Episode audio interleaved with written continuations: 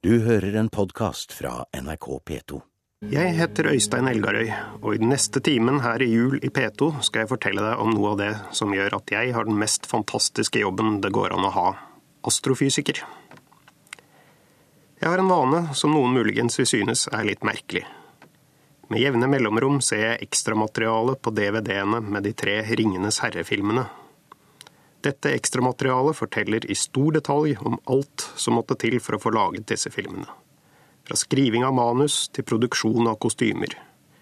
Jeg liker selvsagt filmene også, men å se historien om hvordan filmene ble laget, er nesten enda bedre.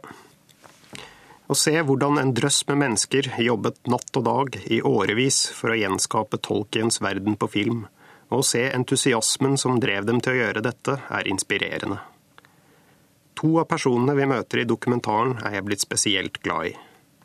Det er de to mennene som satt dag ut og dag inn i årevis for å sette sammen små plastringer til ringbrynjer, og som uten antydning til løgn i øynene sier at det er den beste jobben de noensinne har hatt. De følte at de ga et viktig bidrag til et prosjekt de brant for, og de ville gjort det samme igjen dersom de fikk anledning til det. Det store flertallet av forskere generelt, og astrofysikere som meg spesielt, kommer aldri til å bli husket på linje med Newton eller Einstein. Vi jobber med små biter av små problemer, i skarp konkurranse med andre som driver med det samme. Som regel går det sakte fremover. Jeg kjenner meg derfor igjen i de to fyrene som laget ringbrynjer. Og jeg føler det samme som dem. Selv om jeg ikke er stjernen som alle ser og beundrer, har jeg allikevel drømmejobben.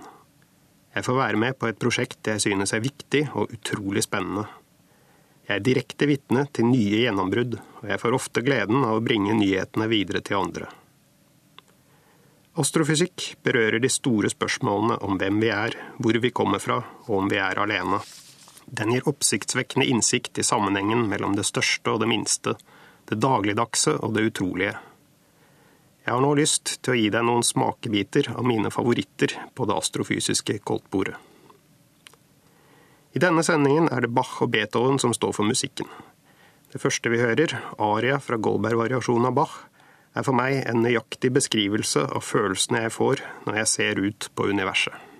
Du hører en podkast fra NRK P2. Sola er et hverdagsfenomen. De fleste av oss ønsker kanskje at den skulle være en mye større del av vår hverdag men den finnes nå alltid der bak skyene. Allikevel er det ikke stort mer enn 70 år siden vi forsto hvorfor den skinner. Veldig tidlige ideer gikk ut på at sola var et gigantisk brennende kullstykke. I så fall ville den holdt ut i noen tusen år, ikke flere milliarder, slik vi vet at den har gjort. I dag vet vi at sola lager energien sin i prosesser der den smelter sammen fire hydrogenkjerner til én heliumkjerne. Til sammen har hydrogenkjernene mer masse enn heliumkjernen, men masse blir ikke borte. Den blir i stedet omdannet til energi i form av lys, i henhold til relativitetsteoriens mest berømte formel E er lik mc-EA. Energi er lik masse multiplisert med lyshastigheten opphøyd i annen. Sola virker fordi Einsteins spesielle relativitetsteori er korrekt. Å forstå noe så dagligdags som at sola lyser, krever altså noen av de dypeste og mest oppsiktsvekkende innsiktene vi har i hvordan naturen virker. Dette er en av grunnene til at fysikk og andre naturfag er så ufattelig morsomme. Bak tilsynelatende selvfølgeligheter som at sola skinner, kan store oppdagelser vente. Her er et annet fantastisk faktum om sola. Lyset som lages i solas indre, bruker 200 000 år på å nå overflaten. Det kan virke rart, siden lyset går med en fart på 300 000 km i sekundet, og solas radius er 700 000 km. Da skulle vi vel tro at litt i underkant av 2,5 sekund burde være nok for lyset til å komme ut. Men fordi lys blir absorbert og sendt ut igjen, og spredt i alle mulige retninger av partikler med elektrisk ladning, noe det finnes mye av i sola, er veien fra kjernen til overflaten som en gigantisk hinderløype for lyset. Det kan ikke ta strake veien ut, men må virre fram og tilbake i lange tider. Ta deg et minutt og tenk over at det lyset du ser fra sola i dag, ble laget da vår art, Homo sapiens, var en nykommer på jorda. Du hører en podkast fra NRK P2. Dette var første sats fra Bachs pianokonsert nummer én i d-moll med solist Murray Pariah. Da jeg ble student på begynnelsen av 1990-tallet, kjente vi til ni planeter, og alle befant seg i bane rundt vår sol. 20 år senere har vi ved en ny definisjon mistet en av disse, Pluto. Men vi har til gjengjeld funnet mer enn 800 nye, og disse befinner seg i baner rundt helt andre stjerner. Det har skjedd det jeg vil kalle en revolusjon, og i snitt oppdages det nå én ny planet hver eneste uke. De fleste av disse nye verdenene er ubeboelige gassplaneter som Jupiter. Men en håndfull er steinplaneter mer lik vår egen, og vi finner stadig flere av de sistnevnte. Hvordan oppdages planetene? En teknikk går ut på å se etter de ørsmå variasjonene i lyset vi mottar fra en stjerne hvis en planet går forbi den og formørker den litt. Det kan være snakk om variasjoner på under 1% som oppdages med teleskop i rommet. Og stjernene kan være hundrevis, ja tusenvis av lysår unna. I en annen teknikk ser man etter ørsmå bevegelser som en stjerne gjennomgår hvis den har en planet i bane rundt seg som trekker på den med tyngdekraften sin. Her er det snakk om å måle hastigheter på noen få meter per sekund, omtrent marsjfart for et menneske. Vi tar på en måte stjernene i radarkontrollen, og som allerede nevnt befinner stjernene seg flere lysår unna. Romteleskopet Kepler, som har vært virksomt siden 2009, leter etter planeter med formørkelsesmetoden. Astronomene som driver dette teleskopet, legger attpåtil dataene sine ut på nettet, og inviterer alle til å hjelpe dem med å lete etter planeter. Det er ikke vanskelig, og ved å registrere deg på planethunters.org kan du også være med. Innsatsen til amatører har på denne måten allerede resultert i oppdagelsen av én planet, og flere vil garantert komme. Dette håper og tror jeg at vi vil se flere eksempler på i årene som kommer. At alle får muligheten til å bli med på det eventyret det er å utforske universet. Vitenskapen tilhører hele menneskeheten, og ingenting er bedre enn at folk ikke bare kan glede seg over resultatene, men faktisk selv kan få være med på å jobbe dem frem. Har du sett den første Star Wars-filmen, der Luke Skywalker står og ser inn i en solnedgang med to soler på planeten Tatooine? I dag kjenner vi flere eksempler på planeter som har to soler. Trodde du alle planeter går i bane rundt en stjerne? Det er ikke tilfellet. Det har blitt funnet flere planeter som suser ensomme rundt i verdensrommet. Noen mener at slike solløse planeter kan være beboelige. Tenk om det finnes intelligente vesener der ute, på hjemløse kloder. Vi er ennå ganske langt unna å finne svar på om det finnes liv på andre planeter. Men funnene som er gjort til nå, gir grunn til optimisme. Planeter som vår kan være ganske vanlige. Et av mine største ønsker er at vi skal oppdage liv utenfor solsystemet mens jeg ennå lever, og er i stand til å glede meg over et slikt gjennombrudd. Du hører en podkast fra NRK P2. Nå hørte vi første sats fra Kreutzer-sonaten av Beethoven med Itzak Perlman på fiolin og Vladimir Askenazi på piano. Jeg heter Øystein Elgarøy, og dette er Jul i P2. Da jeg var doktorgradsstudent, jobbet jeg med nøytronstjerner. Dette er egentlig ikke stjerner, men restene etter en stjerne, som har avgått ved døden i en gigantisk eksplosjon som vi kaller en supernova. Det som blir igjen, er en ball av nøytroner, en av partiklene som bygger opp atomkjernene. Nøytronstjerner veier opptil tre ganger så mye som sola, men har en utstrekning på et par-tre mil. Tenk deg det, hele solas masse og vel så det, pakket inn i Oslo-gryta. Tettheten til materien i en nøytronstjerne er så høy at en sukkerbit av dette stoffet veier like mye som hele jordas befolkning. Nøytronstjernene roterer rundt sin egen akse. Noen av de snurrer rundt seg selv flere hundre ganger i sekundet. Det er knapt mulig å forestille seg. Under de ekstreme forholdene i en nøytronstjerne kan materien anta mange interessante former. For eksempel vil nøytronene danne en såkalt superflytende væske. En slik væske flyter uten noen indre motstand. Det betyr at om den først er satt i rotasjon, vil den fortsette å snurre rundt i all evighet, uten å miste noe energi.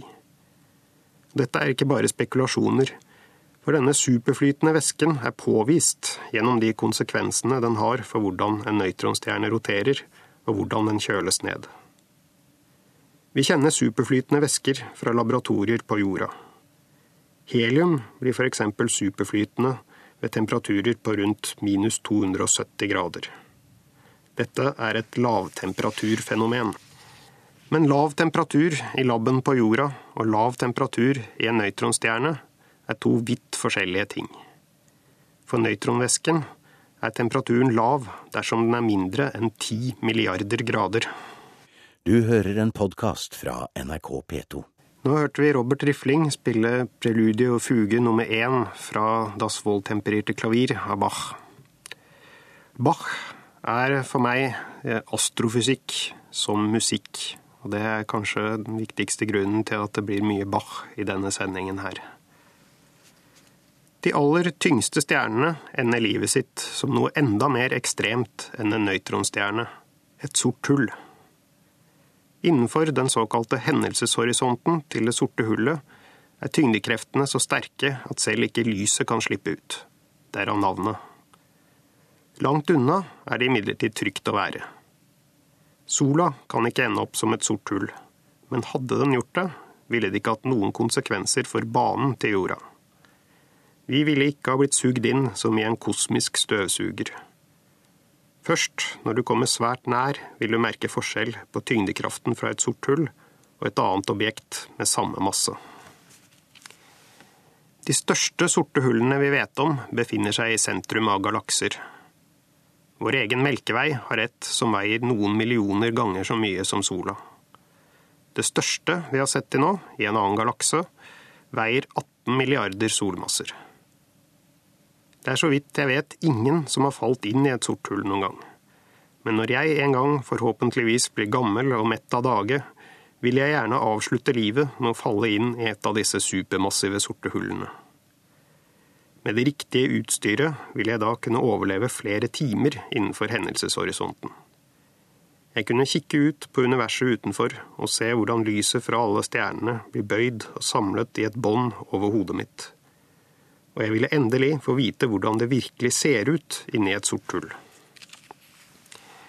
Selvsagt ville jeg ikke kunne fortelle andre om det, men det ville vært gøy å vite. Og mitt endelikt ville bli smertefritt. Fra det tidspunktet tyngdekreftene begynner å bli plagsomt sterke, til jeg er revet i fillebiter, går det tre tidels sekund. For kort tid til at hjernen min ville rekke å registrere smerten. For å finne et sort hull som er stort nok, måtte jeg imidlertid ha dratt til en galakse flere millioner lysår unna. Og med den takten romfartsteknologien utvikler seg, vil nok denne måten å forlate universet på forbli en drøm for meg. Du hører en podkast fra NRK P2. Og dette var første sats fra Beethovens tredje pianokonsert, med Tapiola Symfonietta og Olli Mustonen på piano. Da jeg var liten, hadde vi fjernsynsapparater som vi måtte stille inn kanalene på manuelt. Snø på skjermen var et velkjent syn når man søkte mellom kanalene. Hadde jeg den gangen visst hva jeg vet i dag, ville jeg ha irritert meg mye mindre over dette fenomenet. For en liten prosent av denne støyen skyldes den eldste strålingen i universet, den kosmiske bakgrunnsstrålingen. Denne strålingen ble sluppet fri da universet var bare 400 000 år gammelt, og har derfor reist i nesten 13,7 milliarder år før den kommer fram til oss. Den fyller hele universet og kommer i en jevn strøm fra alle retninger på himmelen. Den er et av de viktigste bevisene for Big Bang-modellen, for den viser at universet en gang var tettere og varmere enn det er i dag. Da den ble sluppet løs, hadde strålingen en temperatur på 3000 grader. I dag er den bare tre grader over det absolutte nullpunktet på minus 273 grader. Den kosmiske bakgrunnsstrålingen ble oppdaget av astronomene Arno Penzius og Robert Wilson i 1965, og den har siden vært en av våre viktigste kilder til kunnskap om universets historie. I 1992 kom et nytt gjennombrudd. NASAs satellitt Cosmic Background Explorer fant da at temperaturen til bakgrunnsstrålingen ikke er nøyaktig den samme i alle retninger på himmelen, men varierer med noen hundretusendels grader avhengig av observasjonsretningen. Det er to fantastiske ting ved denne oppdagelsen. For det første at man ved hjelp av instrumenter om bord på en satellitt klarer å måle så små endringer i temperatur som dette. Det er nemlig én ting å gjennomføre nøyaktige målinger i et laboratorium der man har full kontroll over forholdene og kan reparere eller bytte ut instrumenter hvis de ikke fungerer som forventet. Noe helt annet er det å gjøre det samme fra en satellitt som skytes opp med en rakett og suser rundt høyt over jordens overflate langt utenfor forskernes rekkevidde. Da har du bare én sjanse til å få alt til å virke som det skal. Det andre er at temperaturvariasjonene skyldes at massen i universet hadde begynt å klumpe seg da bakgrunnsstrålingen ble sendt ut. Disse klumpene har senere blitt til galakser, stjerner og deg og meg. Ved å lage kart som viser hvordan temperaturen til bakgrunnsstrålingen varierer over himmelen, lager man samtidig et bilde av hvordan universet så ut bare 400 000 år etter Big Bang. Et slikt kart kan brukes til å finne ut mange ting. Men det er en opplevelse i seg selv å bare sitte og se på det og tenke dette er universet for nesten 14 milliarder år siden. Alt vi kjenner til i dag, startet her. Et eller annet sted i dette kartet finnes utgangspunktet for det som skulle bli meg. Du hører en podkast fra NRK P2. Dette var Toccata og fuge i c-moll av Bach, med Angela Hewitt som solist. Siden jeg driver med teoretisk astrofysikk, synes jeg noe av det aller flotteste med universet er at vi kan bruke matematiske modeller til å beskrive det. For meg er ikke ligninger bare tørre sammenfatninger av målinger, men et verktøy som tanken kan bruke til å utforske virkeligheten. Gjennom matematikken kan vi dra dit teknologien ennå ikke lar oss reise, og kanskje aldri vil bli i stand til å bringe oss. Jeg kan finne ut hvordan universet var bare brøkdelen av et sekund etter at det hele startet, eller til og med undersøke modeller for hvordan universet dukket opp av praktisk talt ingenting. Reise rundt og inn i sorte hull, som er upraktisk og livsfarlig i det virkelige liv, kan gjennomføres trygt og med blyant og papir som eneste kostnad. Tidsreiser, både til fremtiden og til fortiden, er lekende lett. Jeg kan drømme opp hele univers der andre fysiske lover gjelder. Er tre romlige dimensjoner for lite? Da er det bare å lage flere. Synes du vi har for få elementærpartikler? Ingenting hindrer deg i å konstruere et univers med flere. Selvsagt er målet for astrofysikken å lage modeller som beskriver det universet vi faktisk lever i. Men på veien dit er det ofte nyttig å undersøke alternative virkeligheter. Jobben min gir meg derfor anledning til å lage mine egne science fiction-historier, med matematikken som språk. Å leke på denne måten og kunne dele denne gleden med andre er noe alle vi fotsoldater og ringbrynjeflettere får lov til. Derfor kan jeg si at om jeg kunne velge yrke på nytt, ville jeg valgt det samme om igjen. Foran oss ligger et nytt år, og én ting jeg er sikker på, er at vi kommer til å vite mer om universet ved slutten av året enn vi vet nå. Jeg kan garantere et godt nytt astronomiår. Og da takker jeg Øystein Elgarøy for meg, til slutt skal vi høre den musikken som for meg best uttrykte den gleden jeg følte da jeg fikk fast jobb som astrofysiker. Et exultavit fra Bachs Magnificat med Magdalena Korsena som solist. Du har hørt en podkast fra NRK P2.